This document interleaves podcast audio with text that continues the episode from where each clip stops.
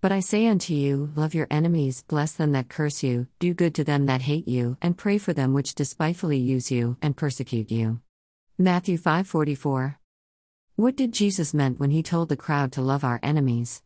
Who are our enemies? In this world it is drenched with so much hatred, abuse, and failures and so part of the challenge is identifying our enemies. Enemies are not people who live outside of our geographic borders. They are not people who look, speak, or live differently from us. Enemies are more menacing, raising the stakes. They actively seek our destruction. They view every means as justified in pursuit of their selfish end. Their greatest joy is built on our deepest hurt. Enemies have no regard for the dignity or significance of others. Still, Jesus calls us to love our enemies. How can we go about loving our enemies? 1.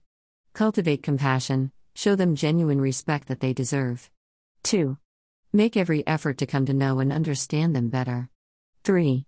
Do not judge them but look closely at the effect of their actions. 4. In order to counteract your enemies effectively on a given issue, join the greatest possible variety of like minded people. Show your enemies kindness. Do them as much good as you can. When Jesus said we are to love our enemies, he was creating a new standard for relationships.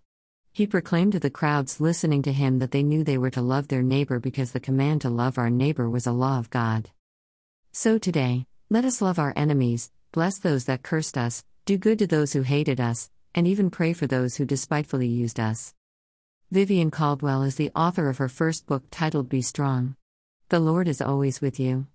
This book was written to motivate, encourage, and strengthen us, and to let us know that despite our struggles and storms of life, God is always with us, and our anchor holds on the solid rock, which is Jesus Christ.